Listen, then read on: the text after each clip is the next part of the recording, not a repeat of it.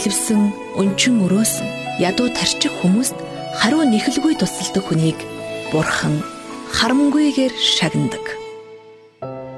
Христ мэндэлсний баярт зориулсан сайн үйл нэвтрүүлэг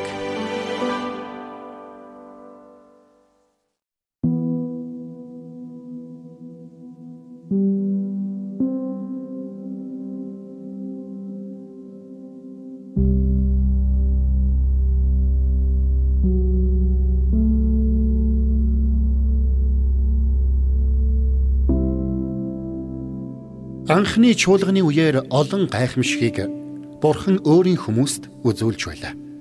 Тэдгээр үйл явдлын нэг нь Петрийг Тэнгэрлэгч шоронгоос суллсан явдал байв. Петрийг баривчлагдсны дараа итгэгчид цугларч Петрийг эзэнд даатгаж түүнийг суллагдаасаа эзэн хамгаалаасаа мэдээж эргэн түүнтэй уулзахыг хүсэж залбирцгаасан. Бурхан үргэлж бидний бодсноос илүү зүйлийг бидэнд хийж өгдөг. Маркийн герт тэд цуглаад залбирч байх үед тэнд зарц охин Рода тэдэнтэй хамт байлаа. Грек Ромын эрен үед зарц охтын ихэнх нь эцэг их нь өрөө төлж чадахгүйгээс болж барьцаанд өгсөн. Эсвэл асран халамжлах хинч байхгүй. Үнчин мөн хайр орноос олзлогдож ирсэн боолууд байдаг байсан.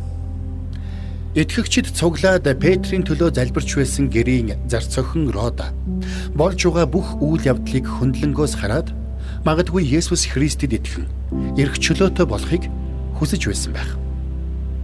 Нэг нэгийнхээ төлөө санаа зовж залбирч байгааг харахтаа өөрт нь ингэж санаа зовох хүн байхгүйд сэтгэлэн завинж өөрийг нь зарцын хувь тавилангаас салган эрх чөлөөт Родо охин болох хэн нэгнийг байгаасай гэж хүссэн байх. Тухайн үед Христэд итгэгчдийн дунд өглөгч байдал болоод өлсөж цангасан хүнийг хоололдгороо танигдсан Стефан алагдаж удаачгүй байтал Иерусалимийн сүмийн анхны ахлагч Яаков цавчигдан удалгүй Петр шоронд орсон.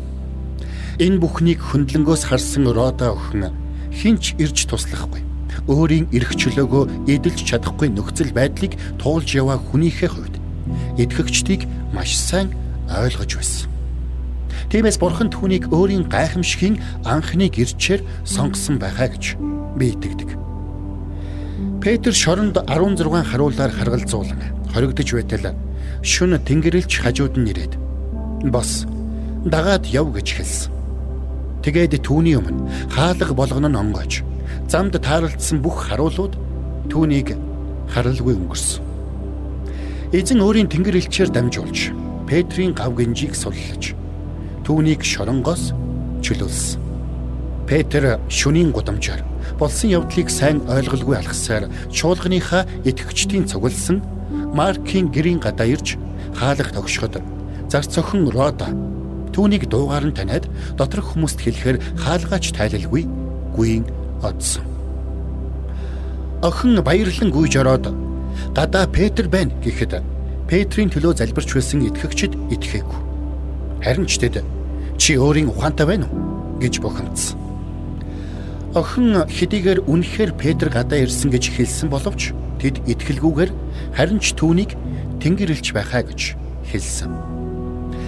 Тухайн үед грек бурхтын домогт хүн өгөхөд түүнийг авч явахаар тэнгэрлж ирдэг гэж үздэг байсан.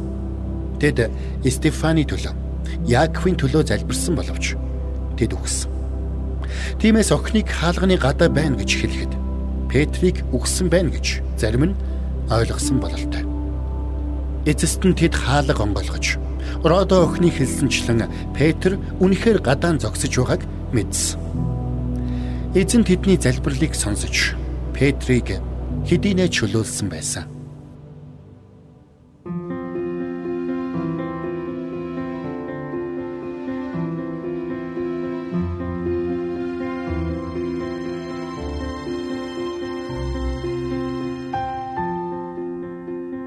Өнөөдрийн энэ түүхээс сурах зүйл зарц охин Родод яагаад итгэхгүй байсан юм бэ? Тэр зарц байсан болохоор эсвэл тэр жаахан охин байсан учраас уу? Эсвэл Петр шоронгоос суллагдах нь боломжгүй зүйл байсан учраас уу? Өнөөдөр маш олон хүн өнчин ядуу хүнд хэцүү амьдралыг туулж яваа хүмүүсийг үл ойшоож дорд үздэг. Гэтэл сүмд 30 гаруй жил үйлчлэхдээ олон удаа өнчин дутагдж гажигдсан амьдрах нөхцөл нь муу хүүхдүүд сайн суралцж байхыг, аз жаргалтай байхыг харж байсан. Бурхан яагаад үйлс номонд Родо охиныг нэртэн нөхцөл байдалтай хамт бичин үлдээсэн юм бэ? Есүс Христийг Бурхан хүн төрлөختний төлөө илгээсэн гэдэгт итгэдэг хүмүүс. Бурхан Петрийг шоронгоос чөлөөлсөнийг гэрчилсэн охины үгэнд итгэхэггүй. Хинч эзэн Бурханы гайхамшигыг гэрчилж болно. Харин бид гэрчилж байгаа хүний гаднах байдал болон нөхцөл байдлыг биш. Бурхан түүний амьдралд юу хийснийг харж чаддаг байх ёстой. Учир нь эзэн Есүс анхныхаа сургаалыг Назар хотод заахтаа Эзний сүнс над дээр байж ядууст сайн мэдээ хүргэхийн тулд эзэн намайг тосолсон гэж тунхагласан. Христ мэндэлсний баярын энэ өдрүүдэд та хүмүүсийн гар дээр бэлэг тавьж хэрэгтэй зүйлүүдийг нь өгөхдөө хариуд нь Бурхны олон гайхамшигтай гэрчлэлийг сонсох боломжтой.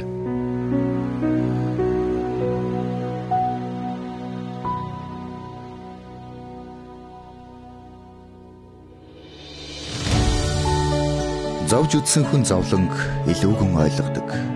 Тиймдээж зовлон мэддэг хүн өөрийн баялгаа бусадтай хуваалцах нь бахархалтай зүйл юм. Бусдад өгдөг хүн бурхантай ойр байдаг. Христ мэндэлсний баярт зориулсан сайн үйл нэвтрүүлэг танд хүрлээ.